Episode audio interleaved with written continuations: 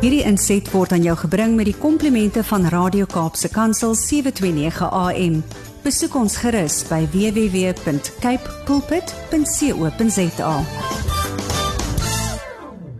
Goeiedag en baie welkom by die program Markplek Ambassadeurs, die program van CBMC Suid-Afrika. En CBMC Suid-Afrika is deel van 'n wêreldwye bediening wat in omtrent 100 lande betrokke is waar ons werk met spesifiek besigheidspersone en professionele persone om hulle ook te help uh toe te rus um, om die evangelie van Jesus Christus uit te leef in hulle werkplek en ook om ambassadeurs te wees vir Christus. En ehm um, ja, om as ambassadeur op te tree beteken dat jy hom verteenwoordig daar elke dag waar jy beweeg en waar jy gaan.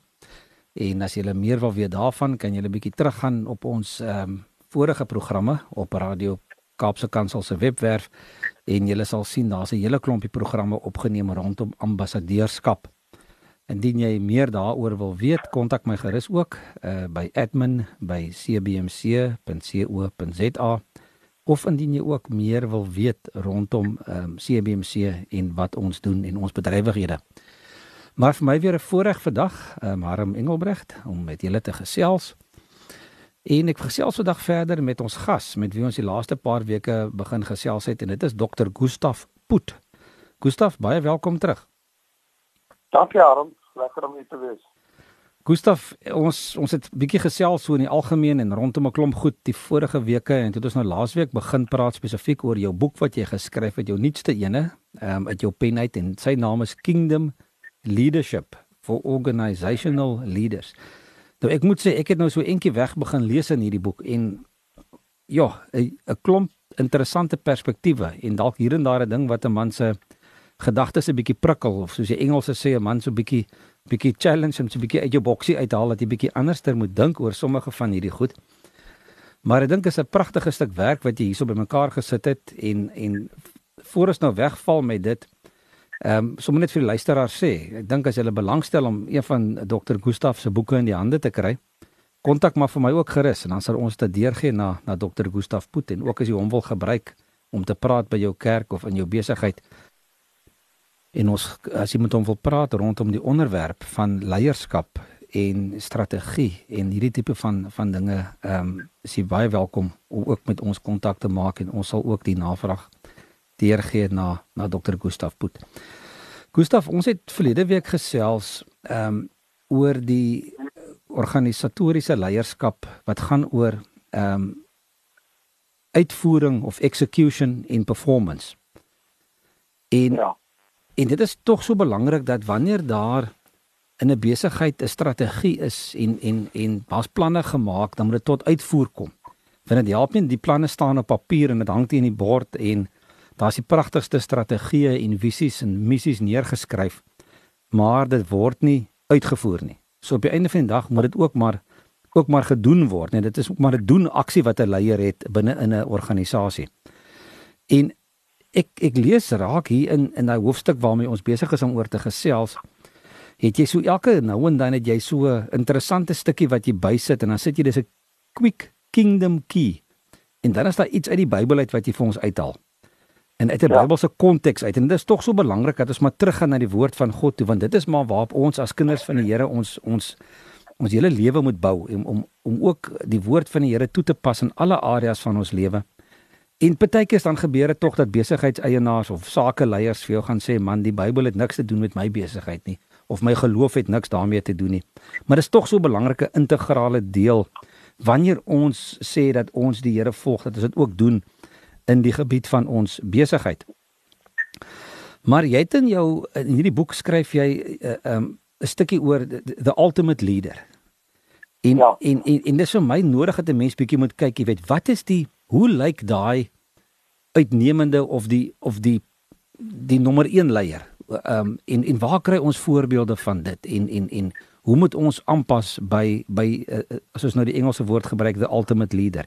Nou in 'n Bybelse konteks praat jy baie jy praat van Moses en Joshua en die rigters en maar vertel gou vir ons 'n bietjie wat is jou gedagte rondom uh waarna moet 'n moet 'n sakeleier kyk as hy as hy die ultimate leader wil wees? Ja, kyk ek het nou baie duidelik gesê dat Jesus is die ultimate leader waarna ek verwys. Maar die konteks vir die hoofstuk gaan dit oor ehm um, execution and performance en die rede hoekom Jesus daardie ehm uh, beskrywing verdien, hy wil hy verdien dat nie, maar omdat hy uh, dat hy daar verdien, dit is feit dat hy soos in Engels gesê word, he put his money where his mouth was.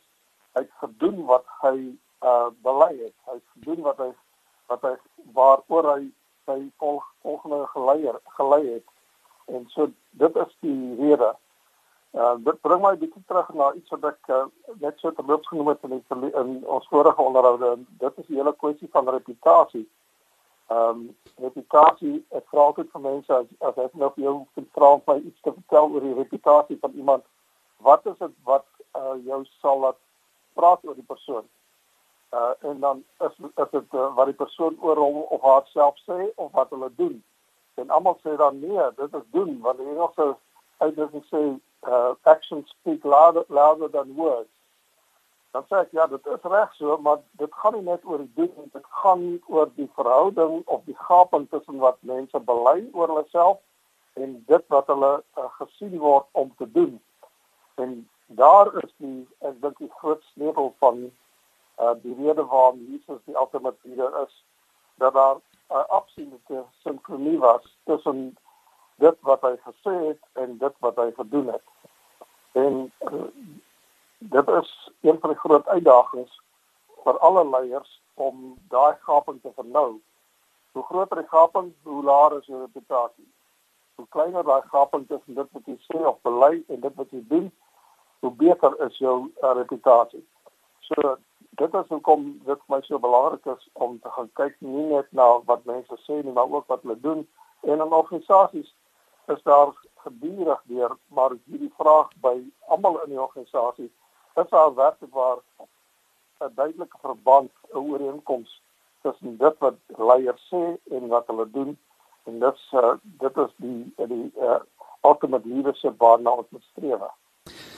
Gustav en ek sien ook dat dat dat daar natuurlik baie as ons die Ou Testament gaan lees en ons lees van die konings en die rigters dan lees ons gereeld dat wanneer dit goed gegaan het met die volk of dat ek liewerste so stel wanneer die leier die die Here gedien het het dit goed gegaan met die volk en wanneer die ja. leier nie die Here gedien het nie was die teenoorgestelde waar en ons lees baie keer in die Engelse vertaling lees ons baie keer dat hulle sê van daai spesifieke leier of die koning he did right in the sight of the lord so hy het gedoen wat reg is in die oë van die Here Dis reg. Ja. En, en dit is maar seker die die uiteindelike ehm um, maatstaf waaraan ons ook as Christen ehm um, besigheidspersone en en en besigheidsleiers onsself moet meet. Ja, absoluut so. En daar is baie duidelik uh, onderskeid tussen die verskillende konings as mens nou die konings die twee boeke van konings en kronieke lees. Dat elkeen van die konings word geëvalueer teen hierdie enkele uh, kriterium. Het hulle gedoen wat die Here van hulle verwag het? En uh so wat wat ook uh, interessant is in daardie gevalle waar daar verwys word na eh, 'n uh, koning wat nie gedoen het wat die Here gedoen het nie word daar gewoonlik bygesê in hierdie tyd van die van die heerskappy van hierdie koning het elkeen gedoen wat hulle wil uh in Engels everybody did what was right in their own eyes. Mm. uh met gevolg is dat daar dat daar nie 'n oorkoepelende leidende kriterium was waar volgens gedrag gemeet is nie. Alles kon gaan. En dit herinner so 'n bietjie van hoe dit nou gaan in ons samelewing met uh met die hele beweging en die CSA oor die uh, die culture wat nou uh nie meer geld nie en dat elkeen maar kan doen wat hy wil daar's uh, daar is net daar's geen kriteria nie. Ehm um, so uh, dit is baie belangrik. Gustav en dan 'n ander punt wat jy aanraak en dit is dit is 'n baie interessante punt en jy sê dis uh, mense mense kan baie karaktereienskappe van leiers gaan neerskryf en sê jy moet nou charisma hê en jy moet 'n sterk persoonlikheid hê, emosionele intelligensie en al die tipe van goed. Maar dan sê jy 'n interessante ding en dit is dat leierskap nogal afhang of gedefinieer word deur 'n persoon se vermoë om te volg. So leadership sê jy is essentially defined by followership. En en ek het toe 'n nou bietjie gaan dink rondom dit en hoe as ons nou praat van Jesus as die of the ultimate leader. En toe besef ek weet as ons gaan lees in die in in in die in die in die Bybel daar in Johannes veral waar Jesus met sy disippels praat en hy vir hulle sê maar hy doen niks wat hy nie die Vader sien doen nie of hy doen niks ja. wat die Vader nie vir hom sê om te doen nie. So Jesus ja. as hierdie ultimate leier en hierdie voorbeeld vir ons het nog steeds nou ek weet nie of ek die regte woorde gebruik nie was nog steeds as God nederig genoeg om vir Vader God die Vader te luister en te kyk wat hy ja. doen en te volg om te om in hom te volg en en en hoeveel te meer moet ons nie dan teruggaan en daai selfde voetspore gaan volg en sê ons kan nie behoorlike leiers wees as ons nie vir God en vir Jesus volg nie Ja, dit is uiters belangrik as gelowige leiers en organisasies dat hulle daardie vertrekpunt moet hê. Uh nou daarna natuurlik in die organisasie self die die, die volgorde op die rangorde as mens so kan noem hoewel Jesus ook self God was uh het hy homself onderwerf en opgesien na kyk na en uh kennis geneem van wat die Vader vir hom gesê het dis 'n bepaalde rangorde. Hy was onderworpe aan die Vader. So in 'n organisasie is daar baie geladinge op vlakke. Uh en daardie selfe beginsel behoort in 'n organisasie te geld dat uh as elkeen wat in 'n leierskapsposisie is, uh werklik leier wil wees, dan moet hulle hulle self vergewis van na wie hulle verantwoordelik moet doen.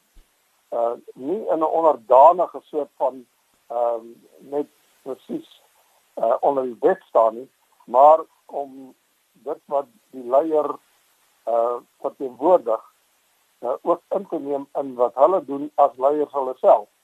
Dan onthou ek die laaste gesê die rol van leier en volgelinge is uitdryfbaar. Jy kan in een situasie kan jy in 'n vergadering wees as 'n leier die volgende stap jy uit en dan uh, is jy 'n volgeling uh, van die een wat uh, wat bo gaan doen is.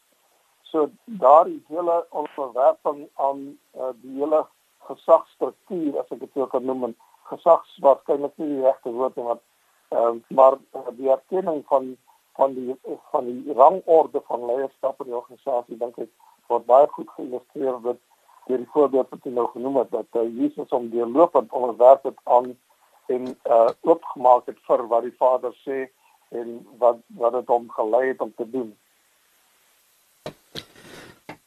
Gustav belangrike aspek verder van dit is en ek sit en dink wonder nou sommer terwyl jy praat, jy weet, hoe moet dit dan in 'n organisasie lyk waar die besigheidsleier of die eienaar nie vir Jesus ken nie. Met ander woorde, hy het nie 'n hy het nie regtig 'n uh, iets om na te volg nie. Hy het nie iemand om na te volg nie. Hy volg maar net sy eie kop en dink wat goed is in sy eie oë, soos wat ons nou ook in die Ou Testament sê daar baie keer staan wanneer konings uh, verkeerd gedoen het en hulle eie kop gevolg het.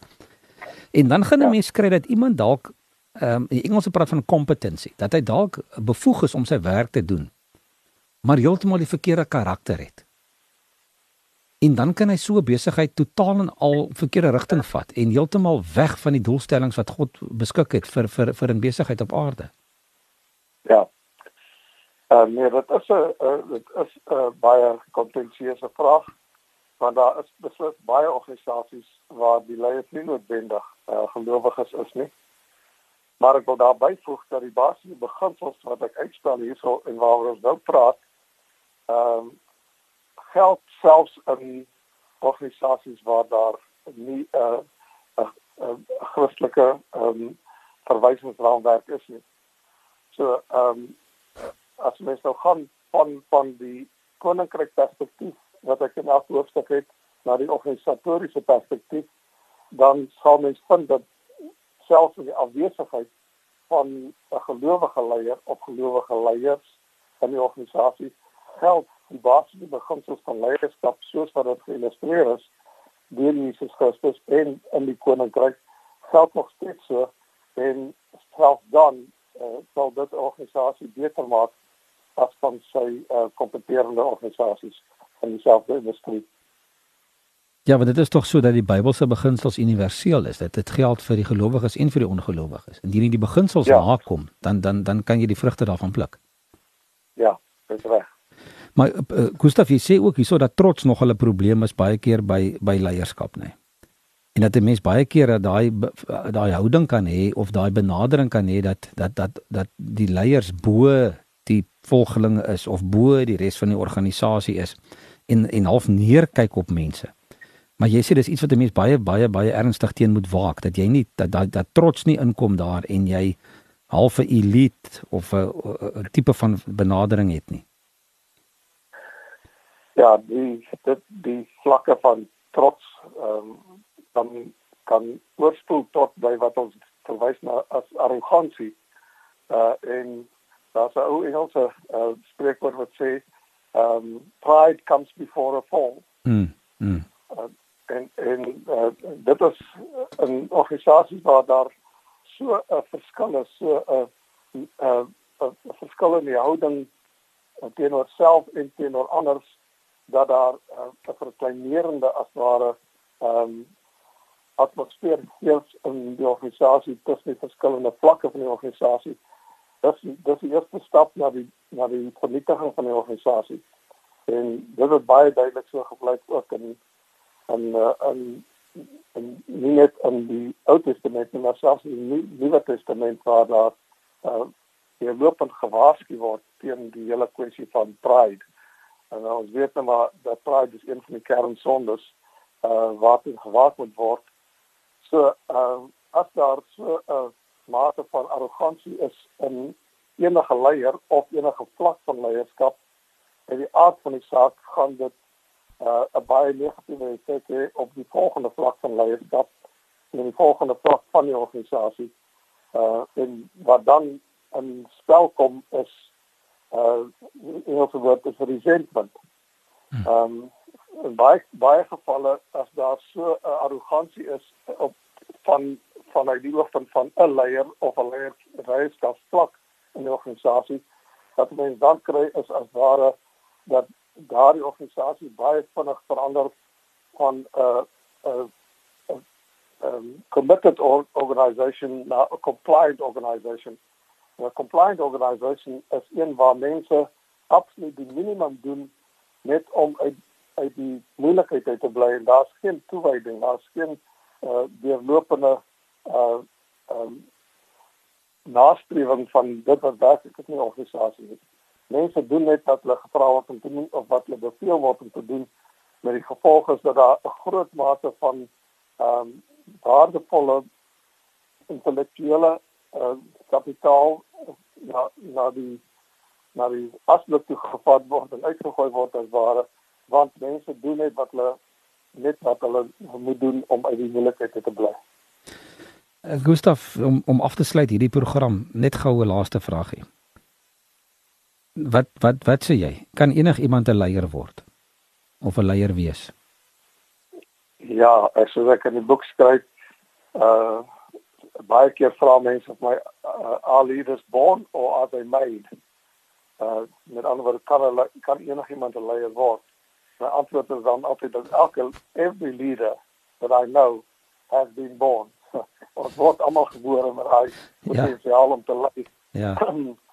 so ehm um, kyk leierskap is uh is 'n uh, stel gedragsreëls of is gedrag dit is nie dit is nie 'n posisie nie. So ehm um, elkeen kan die uh, wyses waarop leierskap uitgeoefen behoort te word in gedrag kan dit aanleer. En as jy dit begin toepas is daar geen rede waarom enigiemand nie 'n leier kan word nie. Nou daar is natuurlik ehm um, natuurlik ook die hele kwessie van kompetensie of die vaardigheid in die bepaalde rol wat jy speel. Maar wanneer dit kom by die gedrag van 'n leier, dan is daar geen rede waarom iemand dit kan aanleer nie. Nou dit gaan natuurlik met die wissel van persoonlikheid tot persoonlikheid, hoe maklik dit gaan wees of nie. Maar dit baie baie goed wat afgelê word.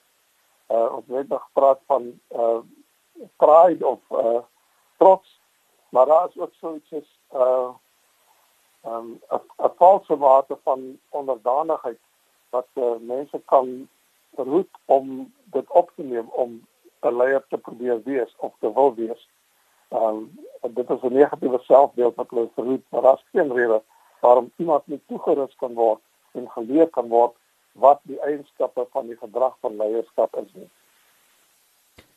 Gustav ek dink sommer aan aan Dawid wat wat geroep is um, as koning en en gesalf is en ehm um, toe Saul daar by by Dawid se pa aankom en en al die seuns kyk en sê maar luister hierso hierso's nie die regte een nie. Toe sê maar daar's nog eenetjie in die veld wat wat skaap oppas. Ek sal hom ook gaan haal. En toe sê die ja. die jong ene en die kleintjie en en toe toe sal vir hom as koning en toe staan daar geskryf ehm um, God kyk nie na die uiterlike nie, maar hy kyk na die ja. innerlike. So met ander woorde hoe mens na na na na die potensiaal kyk van 'n van 'n persoon wat moontlike leier kan wees, verskil van die manier hoe God na daai persoon kyk. En God het die potensiaal in elkeen van ons gesit. Ek sien hierso jy sê um, aanhaling van Miles Monroe. Jy weet hy sê when God created us, he gave us everything to to fulfill his original plan and purpose. Because ja. God designed us to lead, the seeds of leadership lie within us, dormant until they are activated by the power of God. En dis vir my so mooi gestel dat dat hy hy wil uit in elkeen van ons daai potensiaal geplant. Um om dit te kan doen wat hy wil hê ons moet doen en om dit te wees wat hy wil hê ons moet wees. Ja. Ja, dit dit is basies is daai potensiaal dormant of slapend totdat iemand besluit om om dit uh in werking te stel.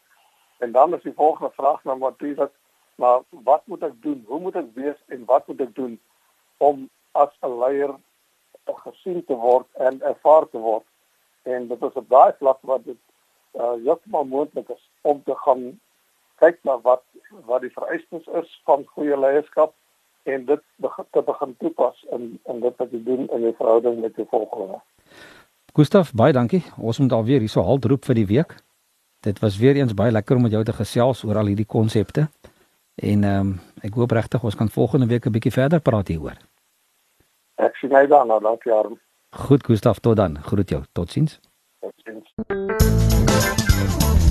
Hierdie inset was aan jou gebring met die komplimente van Radio Kaapse Kansel 729 AM. Besoek ons gerus by www.cape pulpit.co.za.